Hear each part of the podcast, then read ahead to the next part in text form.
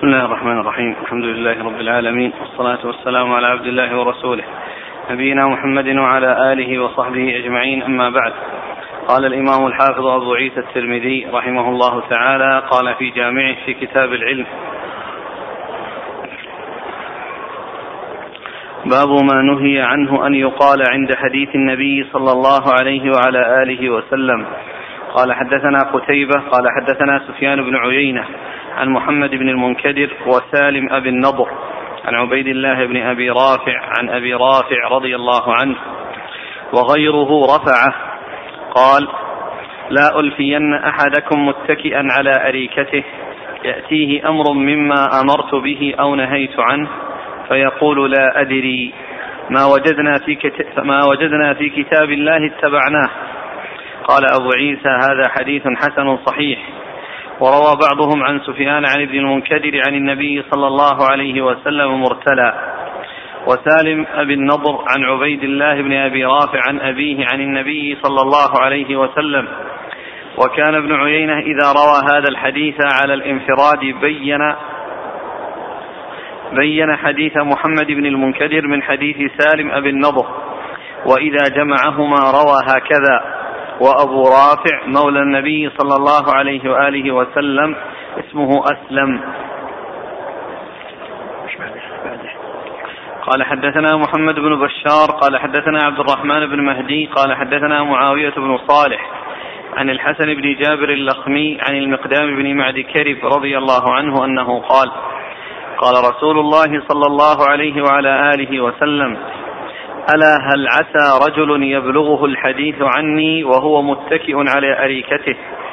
فيقول بيننا وبينكم كتاب الله فما وجدنا فيه حلالا استحللناه وما وجدنا فيه حراما حرمناه وإنما حرم رسول الله صلى الله عليه وسلم كما حرم الله. قال أبو عيسى هذا حديث حسن غريب من هذا الوجه. بسم الله الرحمن الرحيم. الحمد لله رب العالمين وصلى الله وسلم وبارك على عبده ورسوله نبينا محمد وعلى آله وأصحابه أجمعين أما بعد فيقول الإمام أبو عيسى الترمذي رحمه الله في جامعه باب ما جاء من النهي في أن يقال باب ما نهي عنه أن يقال عند حديث النبي صلى الله عليه وسلم. باب ما نهي عنه أن يقال عند حديث رسول الله صلى الله عليه وسلم.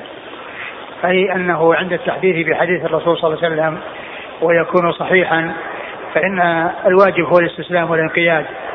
والسمع والطاعة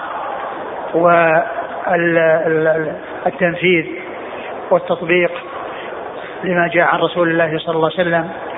إن كان نهيا فإنه يترك وإن كان أمرا فإنه يفعل على قدر الطاقة. كما قال صلى الله عليه وسلم إذا أمرتكم بأمر فأتوا منه ما استطعتم وإذا نهيتكم عن شيء فاجتنبوه. إذا أمرتكم بأمر فأتوا منه ما استطعتم وإذا نهيتكم عن شيء فاجتنبوه. وذلك أن سنة رسول الله صلى الله عليه وسلم هي وحي من الله. والعمل بها لازم كالعمل بكتاب الله. والله عز وجل يقول وما ينطق عن الهوى إن هو إلا وحي يوحى. فحديث رسول الله صلى الله عليه وسلم هو وحي من الله وليس من عند الرسول صلى الله عليه وسلم. الكتاب من الله والسنة من الله. والرسول صلى الله عليه وسلم هو الذي يصل إليه الوحي الكتاب والسنة ويبلغها ويبلغها للناس. ولا يأتي بشيء من عنده وإنما هو مبلغ عن الله سبحانه وتعالى. ولهذا جاء في القرآن وما آتاكم الرسول فخذوه وما نهاكم عنه فانتهوا. وما آتاكم الرسول فخذوه وما نهاكم عنه فانتهوا. وقال وما كان لمؤمن ولا مؤمنة إذا قضى الله ورسوله أمرا أن يكون لهم الخيرة من أمرهم. ومن يعص الله ورسوله فقد ضل ضلالا مبينا. ويقول فإن تنازعتم في شيء فردوه إلى الله والرسول. إن كنتم تؤمنون بالله واليوم الآخر. والرد إلى الله الرد إلى كتابه والرد إلى الرسول الرد إلى سنته صلى الله عليه وسلم. ولهذا جاء عن ابن مسعود رضي الله عنه أنه لما ذكر النامصة ولما ذكر الحالقة والشاقة والصالقة قال ما لي لا ألعن من لعنه رسول الله صلى الله عليه وسلم وهو موجود في كتاب الله. فقالت امرأة إنك قلت كذا يا أبا عبد الرحمن وإنني قرأت المصحف من أوله إلى آخره. ما وجدت فيه لعن الصادقة والشاقة والحالقة. فقال إن كنت قرأتيه فقد وجدتيه. قال الله عز وجل وما آتاكم الرسول فخذوه وما نهاكم عنه فانتهوا. وما آتاكم الرسول فخذوه وما نهاكم عنه فانتهوا. وكذلك مثلها الآية الثانية وما كان لمؤمن ولا مؤمنة إذا قضى الله ورسوله أمرا أن يكون لهم خيرا من أمره. وقوله فليحذر الذين يخالفون عن أمره أن تصيبهم فتنة أو يصيبهم عذاب أليم. و وقد جاء أحاديث آه، تبين أن السنة وحي من الله ومن ذلك الحديث الذي جاء عن رسول الله صلى الله عليه وسلم أنه لما قال يغفر للشهيد كل شيء ثم إنه طلب السائل الذي أجابه فقال ماذا قلت لك؟ قال قلت كذا وكذا. فقال عليه الصلاة والسلام إلا الدين سارني به جبريل انفا إلا الدين يعني الاستثناء استثناء الدين يعني تكلم معي به جبريل سرا. يعني معناه أن جبريل هو الذي جاء بالمستثنى والمستثنى منه. جاء بالمستثنى بالكلام العام اولا ثم أتى بالاستثناء. الذي هو إلا الدين. فقال سارني به جبريل آنفا آنفا. فهذا يبين أن السنة هي وحي من الله. وكذلك حديث أنس بن مالك في كتاب أبي بكر في فرائض الصدقة التي التي آه، آه، فرضها الله على رسوله صلى الله عليه وسلم. فرضها الله على رسوله. يعني إنها هي جاءت هي جاءت في السنة وهي فرض فرضها الله على على رسوله. فالرسول صلى الله عليه وسلم هو مبلغ للسنة. وقد أورد أبو عيسى هذا الحديث أنه قال لا ألفين رجلا متكئا على أريكته. يقول بيننا وبينكم كتاب الله ما جاء فيه من حلال حللناه. يعني آه، آه، فإن فإن هذا فيه ذم وبيان خطورة آه، من يقول إنه يقتصر على الكتاب دون السنة. يقتصر على الكتاب دون السنة. ثم يقول متكئا على أريكته يعني الذي هو الفراش الوثير الذي فيه يعني مزين بالزينة فيكون متبخترا متكئا متكبرا ويقول على الله عز وجل بغير علم ويقول ما جاءنا في كتاب الله أحللناه. أي والسنة يعني لا نلتفت إليها. وهذا كلام باطل بل هو كفر لأن السنة وحي كما أن القرآن وحي ومن ومن ومن كفر بالسنة فهو ومن جحد السنة فهو جاحد القرآن. ومن كفر بالسنة فهو كافر بالقرآن. والقرآن والسنة متلازمان ولا ينفك أحدهما عن الآخر. فكما أن القرآن لازم فالسنة لازمة. لازمة الاتباع. كما أن القرآن لازم الاتباع. ثم الذي يقول إنه يكتفي بالقرآن عن السنة كيف يصلي؟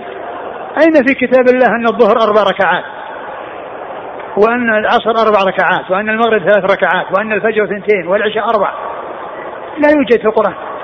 إذا لا بد من السنة. ولا يمكن الإنسان ثم أيضا القرآن جاء بفرائض فرض الزكاة. والسنة جاءت بتفاصيلها. ببيان الأنصبة وبيان المقادير التي وكذلك الحج. جاء مجملا في القرآن. وجاء فيه تفاصيل أيضا في القرآن ولكن التفاصيل جاءت في السنة في قوله صلى الله عليه وسلم صلوا كما آه، خذوا عني مناسككم خذوا عني مناسككم. وكيفية الصلاة؟ إنما عرفت بالسنة بفعل الرسول صلى الله عليه وسلم وبأقواله. فالذي يقول إنه يكتفي بالقرآن عن السنة هو كافر بالكتاب والسنة. هو كافر بالكتاب والسنة. والسنة لا تنفك عن القرآن والقرآن لا ينفك عن السنة لأن السنة مبينة وموضحة للقرآن. فمثل هذا العمل الذي أخبر به الرسول صلى الله عليه وسلم من من مثل من يكون على هذا الوصف. هذا يعني آه، آه، آه، اخبر هذا الذي أخبر به الرسول صلى الله عليه وسلم وجد وقد حصل لأنه وجد أناس يقولون لا نأخذ إلا بالقرآن ولا نعمل لما جاء في القرآن. لكن من العجيب أن أن أن, أن, أن هذا الذي يقولونه لا يمكن تنفيذه إلا بالسنة كما عرفنا بالصلاة. الله تعالى فرض الصلوات الخمس لكن كيف عرفنا كيفيتها؟ وكيف عرفنا أوقاتها؟ وكيف عرفنا متى يدخل وقت هذه ومتى يخرج وقت هذه؟ وكيفيتها؟ وأن هذه أربع وهذه ثلاث وهذه اثنتين. كل هذا ما عرف إلا بالسنة. فالذي يقول مثل هذا الكلام هو في الحقيقة كافر بالكتاب والسنة. نعم. قال حدثنا قتيبة قتيبة بن سعيد ثقة أخرج أصحاب الكتب الستة. عن سفيان بن عيينة. هو ثقة أخرج أصحاب الكتب الستة. عن محمد بن المنكدر. ثقة أخرج أصحاب الكتب الستة. وسالم أبي النضر. هو ثقة أخرج له. أصحاب الكتب. نعم. عن عبيد الله بن أبي رافع. وهو ثقة أخرج له. أصحاب الكتب. نعم. عن أبي رافع. رضي الله عنه أخرج أصحاب الكتب الستة. وروى بعضهم عن سفيان عن ابن المنكدر عن النبي صلى الله عليه وسلم مرسلا نعم. وسالم أبي النضر عن عبيد الله بن أبي رافع عن أبيه عن النبي صلى الله عليه وسلم. وكان ابن عيينة إذا روى هذا الحديث على الانفراد بين حديث محمد بن المنكدر من حديث سالم أبي النضر. وإذا جمعهما روى هكذا وأبو رافع مولى النبي صلى يعني الله عليه وسلم يعني كما هنا روى هكذا يعني كما هنا لأنه يعني جمعهما قال فلان وفلان. عطف سالم ابن النضر على محمد المنكدر لكن إذا أفرد ذكر حديث محمد المنكدر مرسلا وذكر هذا الحديث الذي هو حديث سالم متصلا وإذا جمع بينهما روى هكذا نعم وأبو رافع اسمه وأبو رافع مولى النبي صلى الله عليه وسلم اسمه أسلم نعم. قال حدثنا محمد بن بشار هو الملقب بن دار ثقة أخرجها أصحاب الكتب الستة. عن عبد الرحمن بن مهدي. هو ثقة أخرجها أصحاب الكتب الستة. معاوية بن صالح. وهو صدوق له أوهام البخاري في القراءة ومسلم وأصحاب السنن. نعم. عن الحسن بن جابر اللخمي. وهو مقبول. أخرج له الترمذي وابن ماجه. نعم. عن المقدام بن معدي كرب. رضي الله عنه أخرج له. البخاري وأصحاب السنن. نعم.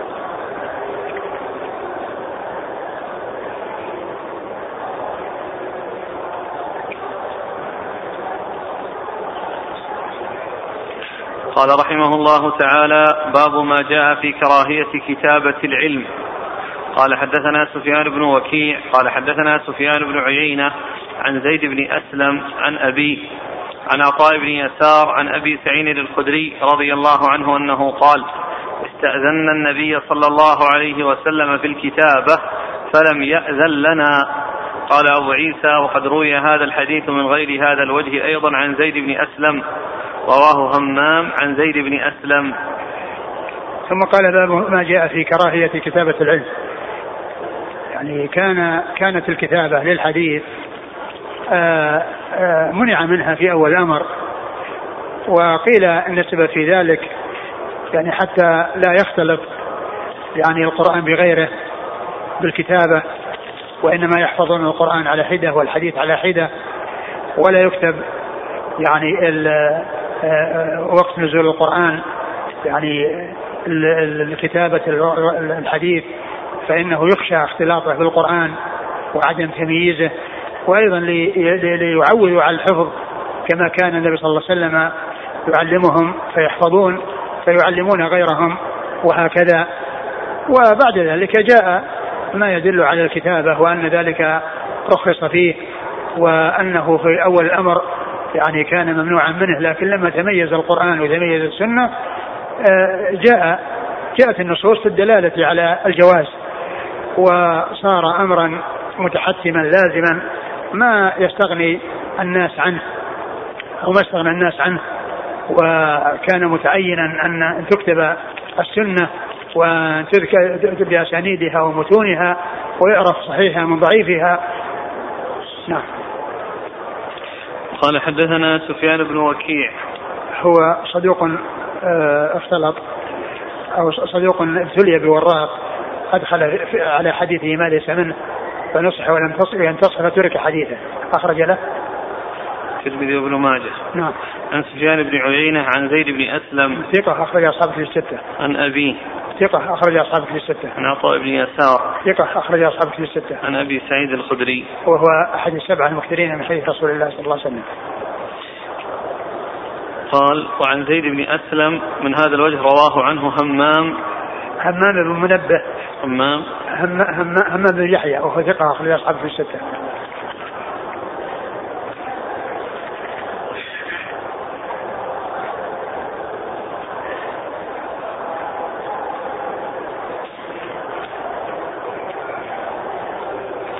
يقول همام عن؟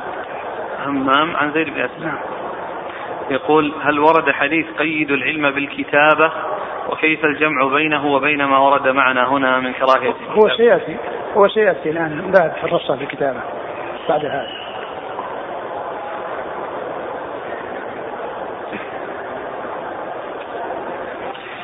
قال حدثنا قال رحمه الله تعالى باب ما جاء في الرخصة فيه. قال حدثنا قتيبة قال حدثنا الليث عن الخليل بن مرة عن يحيى بن أبي صالح عن أبي هريرة رضي الله عنه أنه قال كان رجل من الأنصار يجلس إلى النبي صلى الله عليه وسلم فيسمع من النبي صلى الله عليه وسلم الحديث فيعجبه ولا يحفظه. فشكى ذلك إلى النبي صلى الله عليه وسلم فقال يا رسول الله إني أسمع منك الحديث فيعجبني ولا أحفظه. فقال رسول الله صلى الله عليه وسلم استعن بيمينك وأومأ بيده للخط. قال وفي الباب عن عبد الله بن عمرو قال أبو عيسى هذا حديث إسناده ليس بذلك القائم. وسمعت محمد بن إسماعيل يقول الخليل بن مرة منكر الحديث. ثم قال باب ما جاء في الرخصة في ذلك يعني في الكتابة. أن الماء كان أولا وبعد ذلك رخص فيه. وأورد فيه هذا الحديث أن رجلا من الأنصار سأل النبي صلى الله عليه وسلم وقال إني أحفظ إني أسمع حديثك ولا أحفظه. فسأله فقال يعني آه، استعن بيمينك وأشار بالكتابة يعني بيده أن يعني أنه يكتب. ولكن هذا الحديث هو ضعيف لأن فيه هذا الرجل الذي قال عنه البخاري أنه منكر الحديث والمصنف نفسه هو ضعفه. نعم. قال حدثنا قتيبة عن الليث الليث بن سعد ثقة أخرج أصحابه في الستة. عن الخليل بن مرة. وهو متروك ضعيف. أخرجه الترمذي. نعم. عن يحيى بن أبي صالح. وهو مجهول. أخرجه الترمذي. نعم. عن أبي هريرة. عبد الرحمن بن صخر الدوسي رضي الله عنه أحد المك... آه، أكثر الصحابة حديثا. نعم. وفي الباب عن عبد الله بن عمرو. بن العاص رضي الله عنهما أحد العبادلة وحديثه أخرجه أصحابه في الستة. و...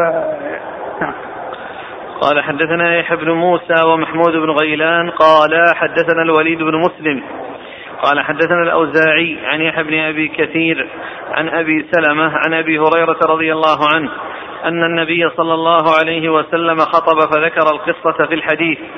قال أبو شاه اكتبوا لي يا رسول الله. فقال رسول الله صلى الله عليه وعلى آله وسلم اكتبوا لأبي شاه. وفي الحديث قصة قال أبو عيسى هذا حديث حسن صحيح وقد روى شيبان عن يحيى بن أبي كثير مثل هذا. ثم هذا الحديث عن أبي هريرة. نعم. عن أبي هريرة أن النبي صلى الله عليه وسلم وهذا كان في خطبة خطبها في الحج وكان أبو شاه رجل يعني آه سمع الخطبة وقال اكتبوا لي يا رسول الله يعني اكتبوا لي هذه الخطبة التي سمعها فقال اكتبوا لأبي شاه. اكتبوا لأبي شاه فدل هذا على آه، جواز كتابة العلم وكتابة حديث الرسول صلى الله عليه وسلم. وأن هذا حصل ترخيص فيما بعد. كان المنع أولا وقيل في التوفيق بين المنع أولا أن أنه قبل ذلك حتى لا يختلط القرآن بما ليس منه. وبعدما آه، حفظ القرآن وميز عن السنة بعد ذلك جاء الترخيص. ولهذا قال في حجة الوداع اكتبوا لأبي شاه أي اكتبوا له هذه الخطبة التي طلب أن تكتب له. فهو دليل على كتابة العلم. فهو دليل على كتابة العلم. وكذلك أيضا الحديث الذي آه، في البخاري ومسلم الذي فيه آه، الذي ترجم له البخاري باب كتابة العلم. وأتى بالحديث ائتوني بكتاب أكتب كتابا.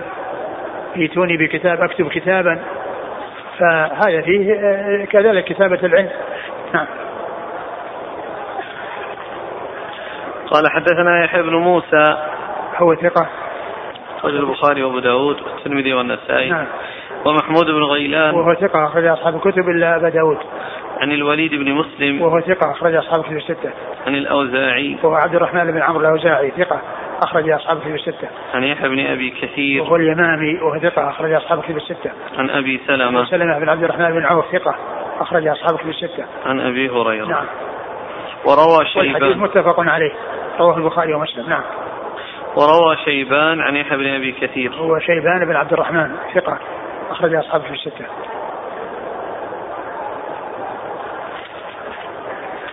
قال حدثنا قتيبة قال حدثنا سفيان بن عيينة عن عمرو بن دينار عن وهب بن منبه عن أخيه وهو همام بن منبه قال سمعت أبا هريرة رضي الله عنه يقول ليس أحد من أصحاب رسول الله صلى الله عليه وسلم أكثر حديثا عن رسول الله صلى الله عليه وسلم مني إلا عبد الله بن عمرو فإنه كان يكتب ولا وكنت لا أكتب.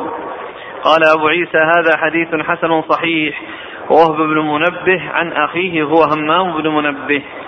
ثم ورد حديث أبي هريرة أنه قال ما أحد من أصحاب رسول الله صلى الله عليه وسلم أكثر حديثا مني إلا ما كان من عبد الله بن عمرو فإنه كان يكتب ولا يكتب. فهذا كلام من أبي هريرة يبين أن أن أنه كثير الحديث عن رسول الله صلى الله عليه وسلم وأنه لا يعرف أحدا أكثر منه إلا أنه يعرف أن عبد الله بن عمر كان يكتب ولا يكتب. كان عبد الله بن عمر يكتب وهو لا يكتب. وقد ومع ومع وقد عرف أن أبا هريرة حفظ له من الحديث وجاء عنه الحديث أضعاف أضعاف ما جاء عن عبد الله بن عمرو بن العاص رضي الله عنه. وقد أجيب عن هذا أو وفق بين كلامه هذا وبين ما جاء في في يعني ما حصل من كثرة حديثه أن الرسول صلى الله عليه وسلم دعا له يعني بالحفظ وكذلك أيضا فكثر حديثه وكذلك أيضا أنه بقي في المدينة بخلاف غيره من الصحابة. عبد الله بن عمرو بن العاص أنه ذهب إلى مصر. ومن المعلوم أن المدينة يقصدها الناس ويأمونها في زيارة مسجد الرسول صلى الله عليه وسلم. فيكثر ترددهم على الحرم فيلتقون بأصحاب الرسول صلى الله عليه وسلم. وأبو هريرة باق في المدينة ولهذا يقصده ويزوره من يأتي إلى هذه المدينة. فيأخذ ما عندهم ويعطيهم مما عنده. فكثر حديثه بسبب ذلك. ثم أيضا ملازمة الرسول صلى الله عليه وسلم لكونه آآ آآ كان فقيرا وكان من أهل الصفة وكان يلزم رسول الله صلى الله عليه وسلم يأكل معه من طعامه وينتقل معه إذا انتقل فكان ملازما له. وبعض المهاجرين والمهاجرين والأنصار يشتغلون في أعمالهم ويتناوبون على المجيء لحلقة مجلس الرسول صلى الله عليه وسلم ولكنه كان ملازما. فإذا هذه الأمور التي اجتمعت جعلت حديثه يفوق غيره من الصحابة حتى كان هو أكثر الصحابة حديثا على الإطلاق. ليس في الصحابة من آآ آآ آآ روى يعني من حديث الرسول مثل ما روى. ولهذا جاء البخاري أنه قال أنه أخذ أخذ عنه من التابعين 800 يعني كلهم يروون عن أبي هريرة. وذلك لكثرة التقائهم به ولا سيما بقاه في المدينة وعدم خروجه منها والناس يترددون يترددون إلى المدينة ويترددون إلى مكة فيلتقون بمن كان في المدينة وأبو هريرة كان كذلك. فلهذا صار الموجود له من الحديث أكثر مما لعبد الله بن عمر ولغيره. بل إن عبد الله بن عمر كان بعض الصحابة أكثر منه ولهذا السبعة المكثرين الذين زادت أحاديثهم في الكتب الستة على ألف حديث ليس منهم عبد الله بن عمرو. يعني هم سبعة. أبو هريرة وابن عمر وابن عباس وأبو سعيد وجابر وأنس وأم المؤمنين عائشة. هؤلاء السبعة هم الذين زاد حديثهم على ألف حديث. وعبد الله بن عمر دون ذلك. نعم. السابع الرابع الذي ذكره الشارح أن عبد الله بن عمرو ظفر بحمل جمل. نعم وذكر هذا. ذكر أن فيه أنه يعني ظفر بحمل جمل يعني في اليرموك فكان يحدث منه فكان يعني الناس يعني يخشون أن يكون ما يحدثه به من هذا الحمل. لكن ال ال ال الأوضح من هذا هو الأمور الأخرى التي غير هذا. نعم. قال حدثنا قتيبة عن سفيان عن عمرو بن دينار. عمرو بن دينار ثقة أخرج أصحاب في الستة. عن وهب بن منبه. هو ثقة أخرج له أصحاب الكتب أصحاب الكتب. إلا إلا ابن ماجه في التفسير في التفسير. نعم. عن أخيه همام بن وهو منبه ثقة أخرج أصحاب في الستة. عن أبي هريرة. نعم.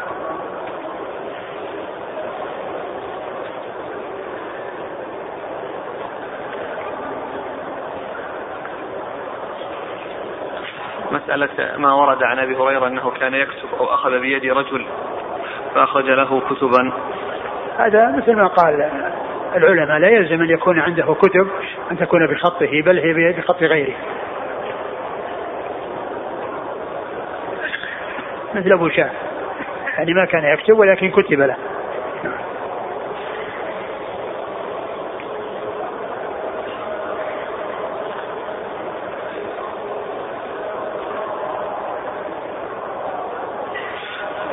هنا الأخ يقول ما أن مما ذكر الأسباب النهي خشية أن لا يلتبس القرآن بالسنة. يقول لا يخفى أن اختلاط القرآن بالحديث بعيد على طلبة العلم فالصحابة من باب أولى. فما رأيكم؟ حفظكم الله. كما هو معلوم طلبة العلم الآن عندهم الكتاب متميز والسنة متميزة لكن هناك يعني يحفظون القرآن ويحفظون الحديث. يحفظون القرآن ويحفظون الحديث. فيعني وإذا كتبوا هذا بجوار هذا يعني فقد يلتبس بعضه ببعض.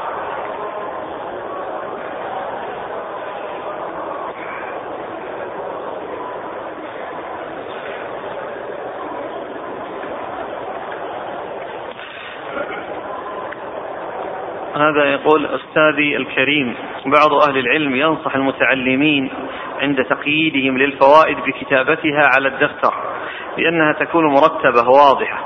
وبعضهم ينصح بالكتابة على الكتاب حتى يكون أسهل تناولا عند المراجعة. فما نصيحتكم لنا؟ والله كلها جيدة. كل هذا جيد ولكن أن يكون الإنسان يكون عنده دفتر يعني ويدون فيه. وإذا كان الحاشية واسعة حاشية الكتاب واسعة ويمكن يكتب فيه هذا ما في بس لأنه متميز لأن هذا مطبوع وهذا وهذا خط. لكن إذا كان الإنسان يقيد الفوائد يقيد الفوائد يعني بدفاتر آه، لا شك أن هذا يعني جيد. ولكن إذا كان الإنسان يقرأ في كتاب والكتاب له حاشية وتتسع ما في ما في بأس. فائدة في ابتداء تدوين الحديث النبوي. قال البخاري في صحيحه في كتاب العلم باب كيف يقبض العلم. وكتب عمر بن عبد العزيز إلى أبي بكر بن حزم انظر ما كان من حديث رسول الله صلى الله عليه وسلم فاكتبه. فإني خفت دروس العلم وذهاب العلماء.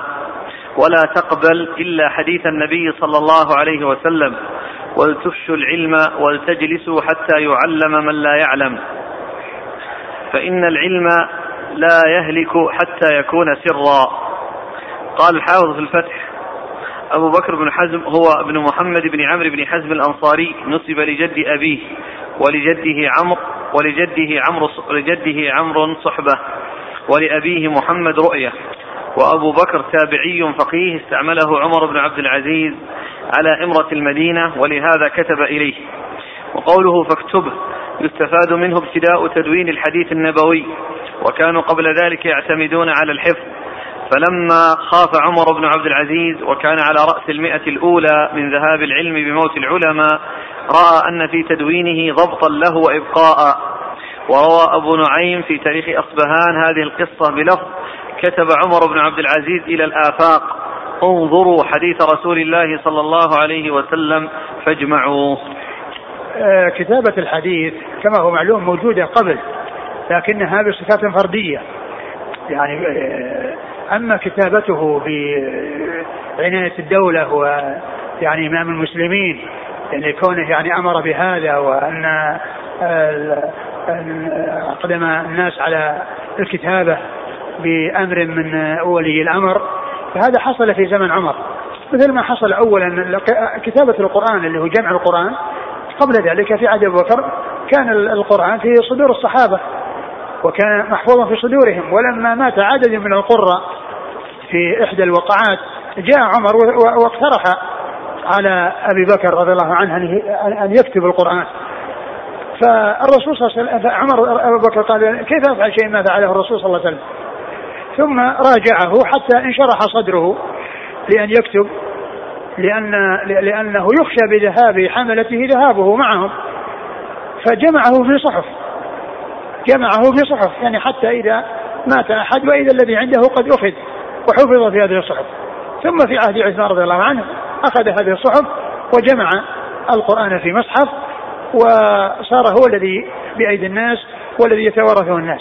كذلك السنة لما يعني كان يعني خشي يعني ذهاب آه، الحديث بذهاب حملته آه، و فأمر عمر آه، بن عبد العزيز رحمة الله عليه أن يكتب الحديث.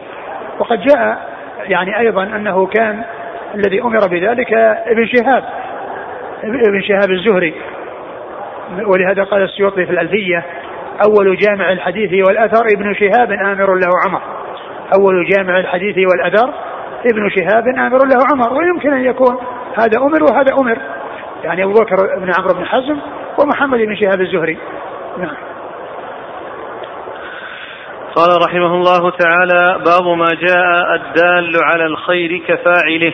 آه، في الحديث الذي مر بالأمس وهو حديث نظر الله امرا سمع مقالتي يعني فيه يعني يدل على مسائل تتعلق بمصطلح الحديث وأصول الفقه متعددة كلها تستنبط من الحديث. ويعني ومن ذلك ما يتعلق بالكتابة كتابة الحديث. ف وقد جمعت يعني بعض المسائل في هذا وحضرتها لنقرأ يعني هذه المسائل التي تستفاد من حديث نظر الله رأسنا عن وهي من مسائل علم المصطلح. صفحة 211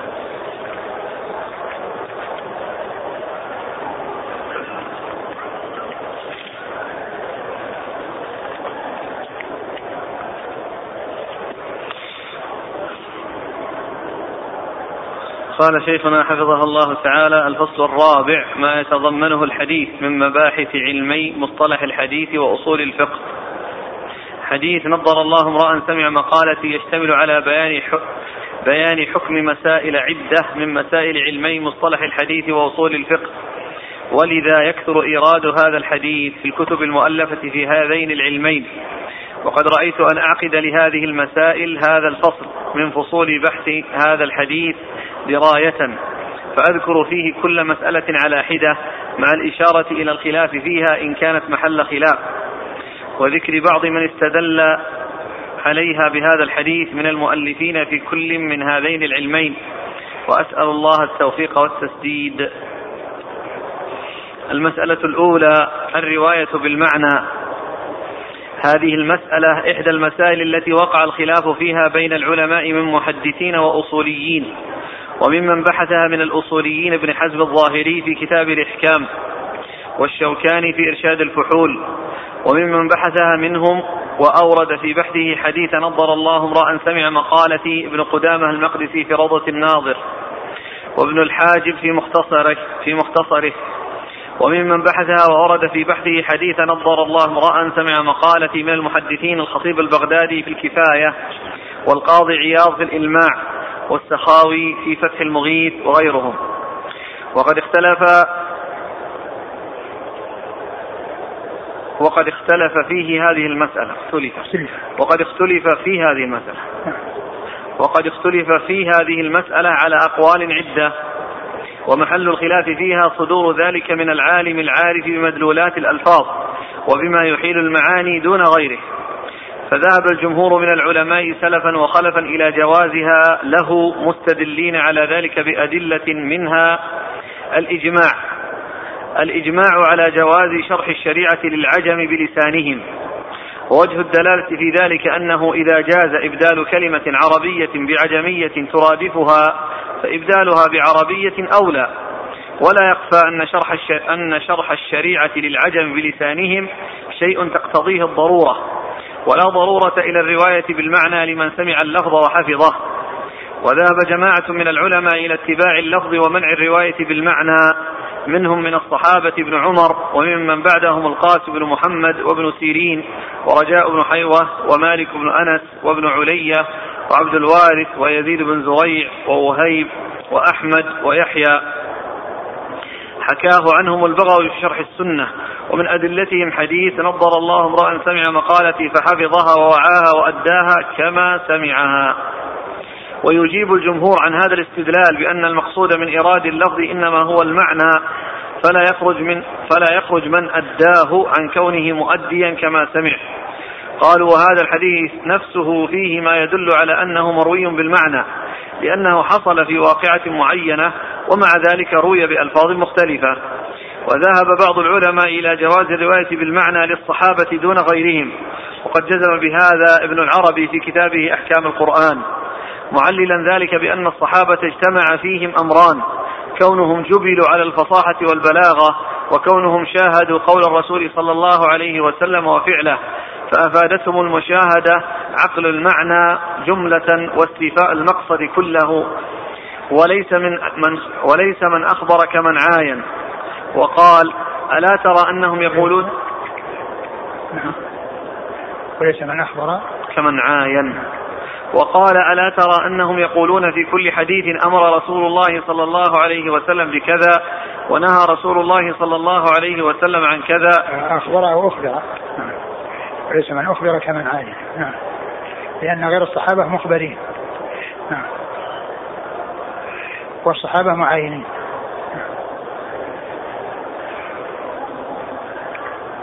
وقال ألا ترى أنهم يقولون في كل حديث أمر رسول الله صلى الله عليه وسلم بكذا ونهى رسول الله صلى الله عليه وسلم عن كذا ولا يذكرون لفظه وكان ذلك خبرا صحيحا ونقلا لازما. وقال وهذا لا ينبغي أن يستريب فيه منصف لبيانه. وقال في شرحه حديث نضر الله امرأ سمع مقالتي في جامع الترمذي. من فوائد هذا الحديث تبليغه بلفظه لوجهين. أحدهما أنه قد ورد في بعض طرق الحديث فأداها كما سمعها. الثاني أنه إذا أداها كما فهمها أسقط الاجتهاد عمن يأتي بعده. عمن يأتي بعد ذلك. وزالت فائدة الحديث في قوله فرب مبلغ أوعى من سامع وقوله رب حامل فقه إلى من هو أفقه منه. وهذا بيان بالغ في أن نقل الحديث على المعنى لا يجوز وإن اعتقد الناقل فيه أنه لم يحذف منه معنى فإنه اجتهاد منه وقطع بما قال صلى الله عليه وسلم وهذا يفيد التعميم بالمنع عنده. أو لا؟ التعميم عند ابن نعم. وإن اعتقد الناقل فيه أنه لم يحذف منه معنى فإنه اجتهاد منه. وقطع بما قال صلى الله عليه وسلم. وقطع. وقطع بما قال صلى الله عليه وسلم. وهذا يفيد التعميم بالمنع منه. بالمنع عنده. يفيد التعميم بالمنع عنده وعند ابن العربي يعني أنه ما تروي المعنى أبدا. وذهب ابن حزم في كتاب الإحكام إلى التفريق بين الرواية والاحتجاج بمعنى الحديث عند الإفتاء أو المذاكرة. فيجوز له إذا إذا تثبت فيه وعرف معناه يقينا أن يفتي بمعناه وموجبه أو يناظر فيحتج به بمعناه وموجبه فيقول حكم رسول الله صلى الله عليه وسلم بكذا وأمر بكذا وأباح كذا ونهى عن كذا وحرم كذا وكذلك القول فيما جاء من الحكم في القرآن. ولا فرق. وقال وهذا لا خلاف فيه من أحد أنه مباح. وأما من حدث وأسند القول إلى رسول الله صلى الله عليه وسلم وقصد التبليغ لما بلغ لما بلغه عن النبي صلى الله عليه وسلم فلا يحل له إلا أن يتحرى الألفاظ كما سمعها لا يبدل حرفا مكان آخر وإن كان معناهما واحدا ولا يقدم حرفا ولا يؤخر آخر. وكذلك من قصد تلاوة آية أو تعلمها وتعليمها ولا فرق. وقال الماوردي كما في التدريب الراوي للسيوطي إن نسي اللفظ جاز لأنه تحمل اللفظ والمعنى وعجز عن أداء أحدهما فيلزمه أداء الآخر. لا سيما إن تركه قد يكون كتمانا. لا سيما. إن تركه قد يكون لا سيما. إن تركه. قد يكون إن تركه. أن تركه قد يكون كتمانا. لا إن تركه. نعم إن تركه. ترك التبليغ يعني بالمعنى. يكون كتمانا.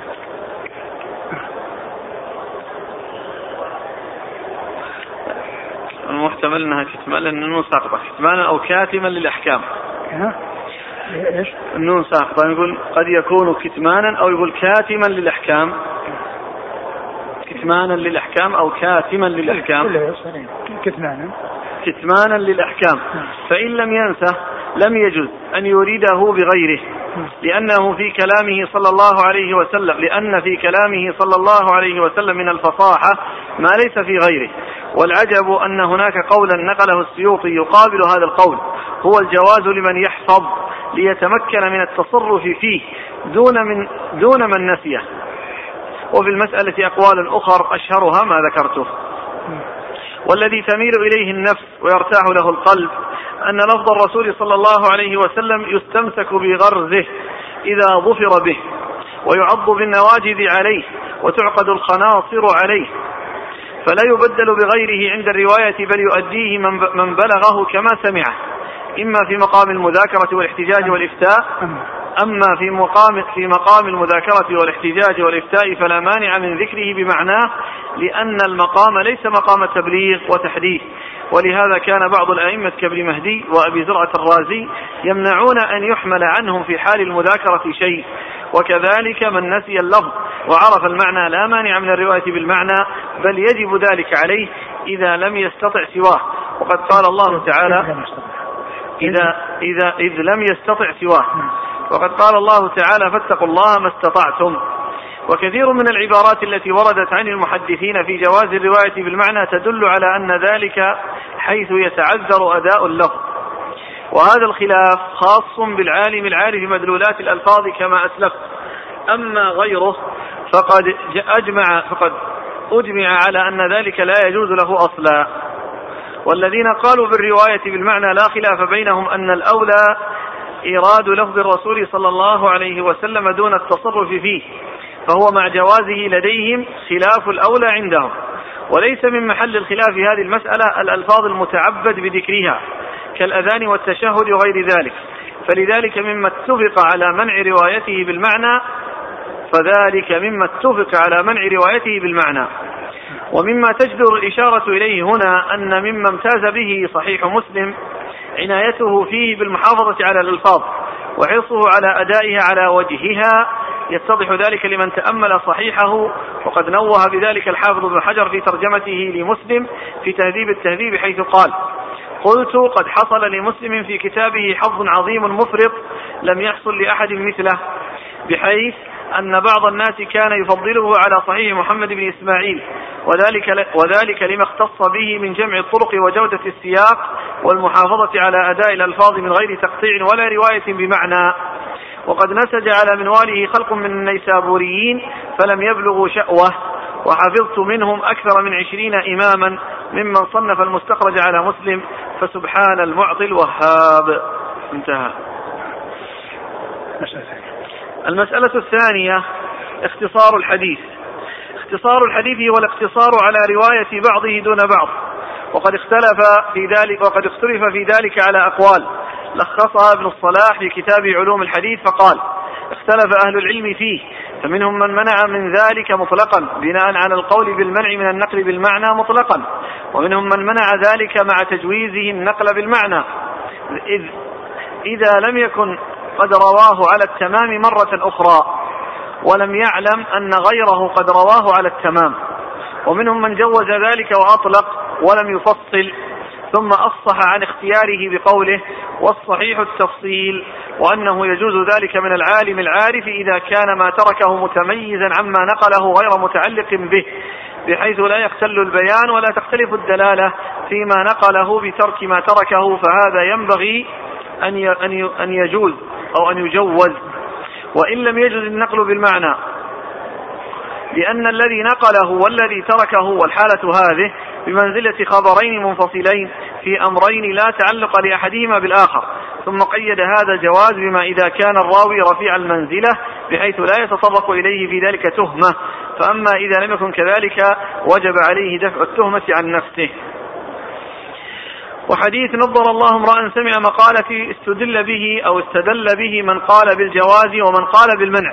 وقد ذكر ذلك الحافظ أبو بكر الخطيب في كتابه الكفاية. قال ومن الحجة لمن ذهب هذا المذهب يشير إلى جواز النقصان من الحديث. قول النبي صلى الله عليه وسلم نظر الله امرأ سمع مقالتي فلم يزد فيها. قالوا وهذا يدل على أن النقصان منها جائز إذ لو لم يكن كذلك لذكره كما ذكر الزيادة. وقال وقد قال كثير ممن منع نقل الحديث على المعنى أن رواية الحديث على النقصان والحذف والحذف لبعض متنه غير جائزة لأنها تقطع الخبر وتغيره فيؤدي ذلك إلى إبطال معناه وإحالته. وكان بعضهم لا يستجيز أن يحذف منه حرفا واحدا. واختار الخطيب التفصيل في هذه المسألة كالذي تقدم نقله عن ابن الصلاح. وقال وعلى هذا الوجه يحمل قول من قال لا يحل اختصار الحديث. ثم نقل بإسناده إلى الخليل بن أحمد أنه قال لا يحل اختصار الحديث لأن النبي صلى الله عليه وسلم قال رحم الله امرأ سمع مقالتي فأداها كما سمعها فمن اختصر لم يفهم المبلغ معنى الحديث. ولم يفهم المبلغ لم يفهم المبلغ معنى الحديث. أو لم يفهم. لم يفهم نعم. المبلغ. لم يفهم المبلغ معنى الحديث. انتهى. وممن ذكر هذه وممن ذكر هذا الحديث في بحثه هذه المسألة السخاوي في فتح المغيث ومحل الخلاف في هذه المسألة إذا اقتصر على بعض الحديث في الرواية. أما إذا كان الحديث يشتمل على أحكام فقطع الحديث مستدلا بكل حكم من الأحكام. فقد قال ابن الصلاح هو إلى الجواز أقرب ومن المنع أبعد. وقد فعله مالك والبخاري وغير واحد من أئمة الحديث ولا يخلو من كراهة وقد تعقب النووي في التقريب هذه الكلمة الأخيرة لابن الصلاح فقال وما أظنه يوافق عليه. انتهى. والذي يظهر لي أن كلام رسول الله صلى الله عليه وسلم يجب أن يؤدى كما سمع لا ينقص منه شيء البتة أما تقطيعه وتفريقه على الأبواب للاستدلال به فهذا لا بأس به. وكذا إراد بعضه للاستدلال به في بعض المناسبات لا بأس به أيضا. وإنما الممنوع هو أن يحذف منه قطعة أو أن يحذف منه قطعة سمعها فلا يحدث بها ولا يبلغها إلى غيره. ولا يبلغها إلى غيره فإن كلام النبي صلى الله عليه وسلم كله حكمة. ولا تخلو أي كلمة منه من فائدة. فلا بد من إيراد المحدث ما سمعه من حديثه صلى الله عليه وسلم على التمام والكمال ليحظى حقا بدعوة النبي صلى الله عليه وسلم لمن سمع مقالته وبلغها كما سمعها. المسألة الثالثة التواتر. هذا الحديث يعتبر مثالا من أمثلة المتواتر وهو الذي كثر رجاله في جميع أجزاء سنده كثرة يبعد معه تواطؤهم وتوافقهم على الكذب مع كونه منتهيا إلى محسوس من مشاهدة أو سماع. وقد تقدم في الفصل الثاني من الباب الأول إثبات كون هذا الحديث متواترا وممن نص على ذلك من المتأخرين السيوطي. أما المتقدمون فإنه داخل عندهم تحت المشهور.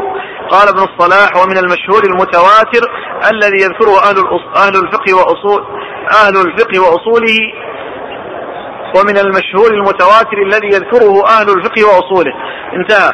وقد وصفه الحاكم في معرفة علوم معرفة علوم الحديث بأنه مشهور مستفيض. وإنما ذكرت المتواتر هنا لدخوله في مباحث علم المصطلح الذي هو علم الحديث دراية. وقد ذكرته في مباحث علم الحديث رواية من جهة إثباته والوقوف على تعدد طرقه وأنه بذلك صار متواترا. المسألة الرابعة الاحتجاج بالخبر الواحد. أخبار الآحاد حجة يجب العمل بها والأدلة على إثبات هذه الحقيقة في الكتاب والسنة لا تحصى. وقد كان وقد كان صلى الله عليه وسلم يبعث رسله إلى الآفاق لتعليم الدين. وتقوم الحج الحجة على الذين أرسلوا إليهم بذلك. ومن الأدلة الدالة على ذلك حديث نظر الله امرأ سمع مقالتي فإنه صلى الله عليه وسلم دعا فيه لامرئ يسمع يسمع حديثه ويبلغه وممن استدل به على ذلك الإمام الشافعي في الرسالة. فإنه عنون لذلك بقوله الحجة في تثبيت خبر الواحد ثم قال فإن قال قائل اذكر الحجة في تثبيت خبر الواحد بنص خبر أو دلالة فيه أو إجماع. فقلت أخبرنا سفيان وساقه بإسناده ومتنه الذي أوردته في رقم الخامس عشر في الفصل الرابع من الباب الأول ثم بين وجه الدلالة فيه فقال فلما ندب رسول الله صلى الله عليه وسلم إلى استماع مقالته وحفظها وأدائها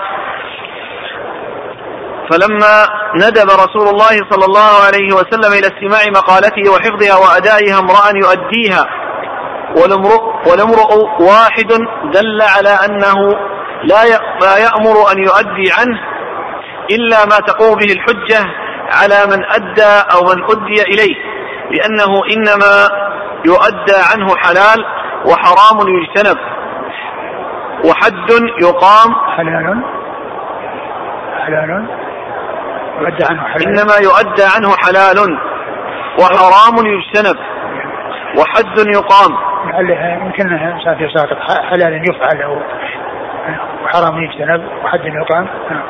ومال يؤخذ ويعطى ونصيحة في دين ودنيا ثم ساق أدلة كثيرة في ذلك وممن ذكر هذا الحديث مستدلا على الاحتجاج بأخبار الآحاد الخطيب في كتابه الكفاية فإنه عقد بابا قال فيه باب ذكر بعض الدلائل على صحة العمل بخبر الواحد ووجوبه وذكر فيه أدلة أحدها حديث نظر الله امرأ سمع مقالتي ثم ختم الباب بقوله وعلى العمل بخبر الواحد كان كافة التابعين ومن بعدهم من الفقهاء الخالفين في سائر أمصار المسلمين إلى وقتنا هذا ولم يبلغنا عن واحد منهم إنكار لذلك ولا اعتراض عليه فثبت أن من دين جميعهم وجوبه إذ لو كان فيهم من كان لا يرى العمل به لنقل إلينا الخبر عنه بمذهبه فيه والله أعلم. انتهى.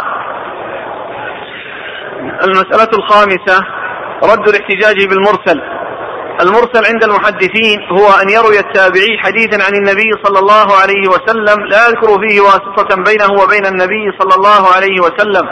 والمرسل عند الفقهاء رواية الراوي عمن لم يلقه وقد اختلف في الاحتجاج بالمرسل. فذهب أبو حنيفة ومالك إلى الاحتجاج به ومنع ذلك الشافعي وأحمد. قال ابن الصلاح في علوم الحديث ثم اعلم أن حكم المرسل حكم الحد أن حكم المرسل حكم الحديث الضعيف. إلا أن يصح بمخرجه بمجيئه من وجه آخر. وقال وما ذكرناه من سقوط الاحتجاج بالمرسل والحكم بضعفه هو المذهب الذي استقر عليه آراء جماهير حفاظ الحديث ونقاد الأثر. وقد تداولوه في تصانيفهم وفي صدر صحيح مسلم. المرسل في أصل قولنا وقول أهل العلم بالأخبار ليس بحجة. وابن عبد البر حافظ المغرب ممن حكى ذلك عن جماعة أصحاب الحديث. انتهى. وقد علل ابن حجر في شرحه لنخبة الفكر منع قبوله بأن الساقط فيه يحتمل أن يكون يحتمل أن يكون صحابيا وأن يكون تابعيا. وعلى الثاني يحتمل أن يكون ضعيفا وأن يكون ثقة. وعلى الثاني يحتمل أن يكون أخذ عن صحابي أو عن تابع أو تابعي. فيعود الاحتمال السابق فيعود الاحتمال السابق ويتكرر وحديث نظر الله امرأ سمع مقالتي يستدل به على رد الاحتجاج به لأن الدعوة فيه لمن سمع ومن أرسل لم يسمع. وممن استدل به على منع قبول المرسل الحاكم في كتاب معرفة علوم الحديث والحافظ صلاح الدين العلائي في كتابه جامع التحصيل لأحكام المراسيل. أما مرسل الصحابي وهو ما يرويه صغار الصحابة مما لم يسمعوه عن من النبي صلى الله عليه وسلم فهو في حكم المسند لأن روايتهم عن الصحابة والجهالة بالصحابي لا تضر لأن الصحابة كلهم عدول لأن الصحابة كلهم عدول. المسألة السادسة عدم اشتراط الفقه الراوي. وحديث نظر الله امرأ سمع مقالتي يستدل به على أنه ليس من شرط الراوي أن يكون فقيها لأن الرواية مبناها على الحفظ. وممن استدل بهذا الحديث على عدم اشتراط هذا الشرط ابن قدامة في روضة الناظر. فقال ولا يشترط كون الراوي فقيها لقوله رب حامل فقه غير فقيه ورب حامل فقه إلى من هو أفقه منه. واستدل به الإمام الشافعي من قبل في كتابه الرسالة فقال بعد أن أورد الحديث ودل على أنه قد يحمل الفقه غير فقيه يكون له حافظا ولا يكون فيه فقيها. وممن ذهب إلى اشتراط كون الراوي فقيها أبو حنيفة ومالك وهذا الحديث واضح الدلالة على عدم اشتراطه. المسألة السابعة أن العرض ليس بسماع. العرض هو القراءة على الشيخ والرواية به والرواية به رواية صحيحة. قال ابن الصلاح ولا خلاف أنها رواية صحيحة إلا ما حكي عن بعض من لا يعتد بخلافه. وقال القاضي عياض في الإلماع لا خلاف أنها رواية صحيحة. واختلف واختلف. هل هي سماع يجوز فيها من النقل بحدثنا وأخبرنا وأنبأنا ما يجوز في السماع من لفظ الشيخ أو لا؟ وهل هي مثل السماع أو دونه أو فوقه في الرتبة؟ وقال ابن الصلاح والصحيح ترجيح السماع من لفظ الشيخ والحكم بأن القراءة عليه مرتبة ثانية. وقد قيل إن هذا مذهب جمهور أهل المشرق. انتهى. وقد وقد عقد الحاكم لهذا آخر فصل في كتابه معرفة علوم الحديث. وسمى كثيرين من العلماء رأوا أن العرض سماع ثم جماعة ثم جماعة منهم يرون أنه ليس بسماع. وقال والحج وقال الحجة عندهم قول النبي صلى الله عليه وسلم نظر الله امرأ سمع مقالتي فوعاها حتى يؤديها إلى من لم يسمعها. وقوله تسمعون ويسمع منكم في أخبار كثيرة وقد سمى البغوي في شرح السنة جماعة من العلماء فقال وذهب جماعة منهم من الفقهاء أن العرض ليس بسماع وهو قول الأوزاعي والثوري وابن المبارك والشافعي وأحمد وإسحاق لقول النبي صلى الله عليه وسلم نظر الله امرأ سمع مقالتي. المسألة الثامنة صحة سماع الصغير المميز. سماع الصغير المميز معتبر عند المحدثين إذا أداه بعد بلوغه.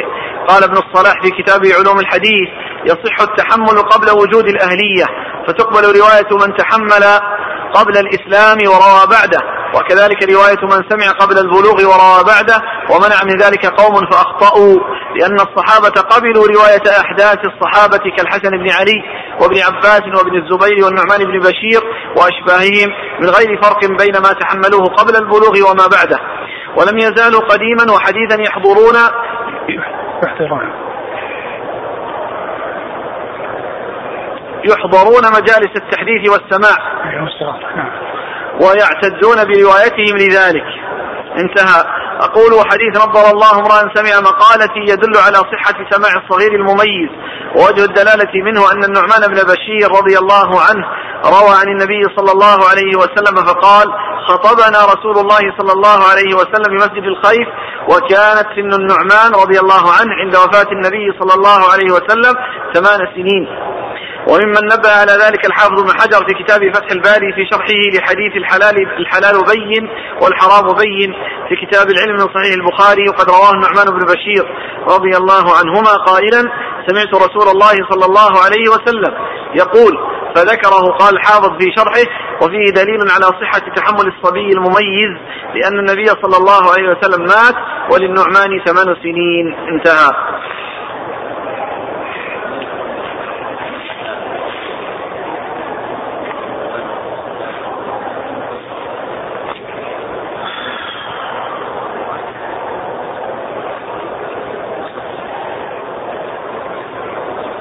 يصح لكن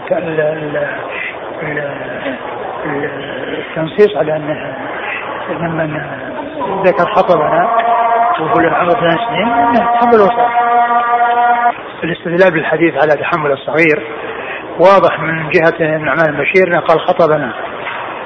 وقد توفي الرسول صلى الله عليه وسلم عمره ثمان سنين. وكونه الحديث يعني عام يعني يشمل تحمل الصغير والكبير نعم يدل على هذا لكن آه هذا أوضح في الدلالة. من ناحية أن أن هذا صغير وتوفي الرسول صلى الله عليه وسلم عمره ثمان سنين وقد تحمل عن الرسول صلى الله عليه وسلم هذا الحديث وغيره. الحديث المشهور إنما الاعمال بالنيات آه حديث الحلال بين والحرام بين. وهذا حديث مشهور أخرجه البخاري ومسلم وقال قال فيه سمعت رسول الله صلى الله عليه وسلم وإنما سمعه صغير وادى وهو كبير. ف الاستدلال به من ناحية أن أن كون النعمان هو أحد رواته وقد سمع من رسول الله صلى الله عليه وسلم أوضح من الاستدلال العام لأن آه، لأنه قد يقول قائل آه، سمع يعني وله أهلية والصغير ليس له أهلية.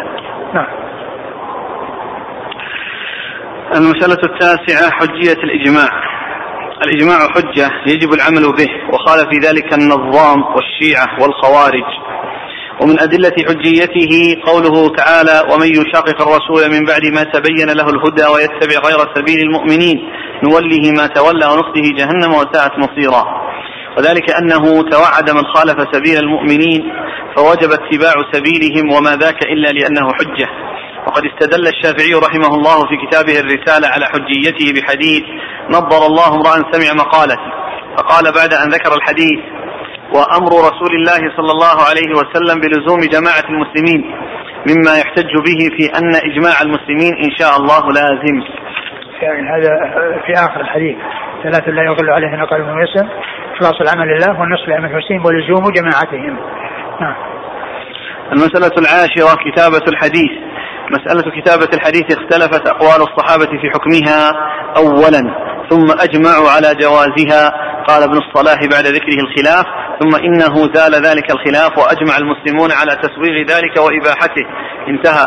وحديث نظر الله امرأ سمع مقالته فحفظها ووعاها وأداها كما سمعها يدل على جواز كتابة الحديث.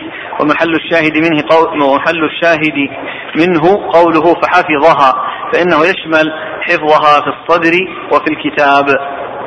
المسألة الحادية عشرة ما يعرف به ضبط الراوي؟ حديث نظر الله امرأ سمع مقالتي من رواية زيد بن ثابت فيه قصة وهي خروجه من عند مروان بن الحكم في وسط النهار. قال أبان الراوي عنه قلنا ما خرج منه هذه الساعة إلا لشيء سأله عنه. فسألوه فقال أجل. ثم حدثهم بهذا الحديث وكذا في كثير من طرق الحديث. يذكر من رواه أنه سمعه من النبي صلى الله عليه وسلم وهو يخطب بمسجد الخيف. ومثل هذا يستدل به على ضبط الراوي وإتقانه. وإتقانه ما رواه لأنه ضبط مع الحديث الملابسات التي كانت وقت سماع الحديث. ومن أمثلة التنصيص على ذلك في كلام أهل الحديث أن الحافظ بن حجر ذكر في مقدمة فتح الباري أن الدار قطني انتقد على البخاري إخراجه حديث العوام بن حوشب عن إبراهيم السكسكي عن أبي بردة عن أبي موسى رضي الله عنه عن النبي صلى الله عليه وسلم أنه قال إذا مرض العبد أو سافر كتب الله له ما كان يعمل صحيحا مقيما. ووجه الانتقاد أن العوام قد قد أسنده وخالفه مسعر وهو أحفظ منه. فرواه عن إبراهيم عن أبي بردة قوله ولم يذكر أبا موسى ولا النبي صلى الله عليه وسلم. قال الحافظ في الإجابة عن ذلك قلت مسعر أحفظ من العوام بلا شك إلا أن مثل ذلك لا يقال بالرأي فهو في حكم المرفوع. ثم قال ومحل الشاهد و و ثم قال وهو محل الشاهد. وفي السياق قصة تدل وفي السياق قصة تدل على أن العوام حفظه فإن فيه اصطحب يزيد بن أبي كبشة وأبو بردة في سفر. فكان يزيد يصوم في السفر. فقال له أبو بردة أفطر فإني سمعت أبا موسى مرارا يقول فذكره وقال أحمد بن حنبل إذا كان في الحديث قصة دل على أن راويه أن راويه حفظه والله أعلم. انتهى. المسألة الثانية عشرة قبول رواية من لم يروي إلا حديثا واحدا أو حديثين. ليس من شرط الروا... ليس من شروط الراوي أن يكون معروف الرواية ومكثرا منها بل تقبل روايته وإن لم يروي إلا حديثا واحدا أو حديثين. وقد ذكر هذه المسألة الخطيب الخطيب البغدادي في كتابه الكفاية. واستدل عليها بحديث نظر الله امرأ سمع مقالتي قال ومن لم يروي غير حديث واحد أو حديثين ولم يعرف بمجالسة العلماء وكثرة الطلب غير أنه ظاهر الصدق مشهود له بالعدالة. قبل حديثه حرا كان أو عبدا وكذلك إن لم يكن من أهل العلم بما إن لم يكن أهل إن لم يكن من أهل العلم بمعنى ما روى لم يكن بذلك مجروحا لأنه ليس يؤخذ عنه فقه الحديث وإنما يؤخذ منه لفظه ويرجع في معناه إلى الفقهاء فيجتهدون فيه بآرائهم. ثم قال والدليل على ذلك ما أخبرناه أبو القاسم عبد الرحمن بن أحمد بن إبراهيم القزويني وساق بإسناده ومتنه الحديث الذي أوردته برقم 144 ثم قال وقد قبل علماء السلف ما رواه النساء والعبيد ومن ليس بفقيه وإن لم يروي أحدهم غير حديث واحد أو غير حديث أو حديثين. الخاتمة والله تعالى أعلم وصلى الله وسلم وبارك على نبي رسوله نبينا محمد وعلى آله وأصحابه أجمعين.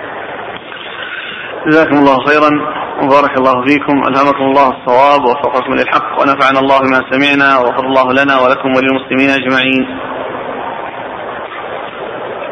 فتبقى مسألة يسأل عنها الإخوة هل خبر الآحاد يفيد الظن أو العلم؟ بأننا نعرف أنه يحتج به. خبر الآحاد آه، لا شك أنه يتعين العمل به. وأما إفادته فإنه يفيد العلم أو الظن الغالب. لأن الظن الغالب هو مثل العلم. نعم. يقول كيف الجواب على اجتهاد النبي صلى الله عليه وسلم فيما لم يكن عنده وحي. آه، نعم يعني ولكنه يعني لا يقر. يعني آه يعني لا يقر يعني إلا على حق.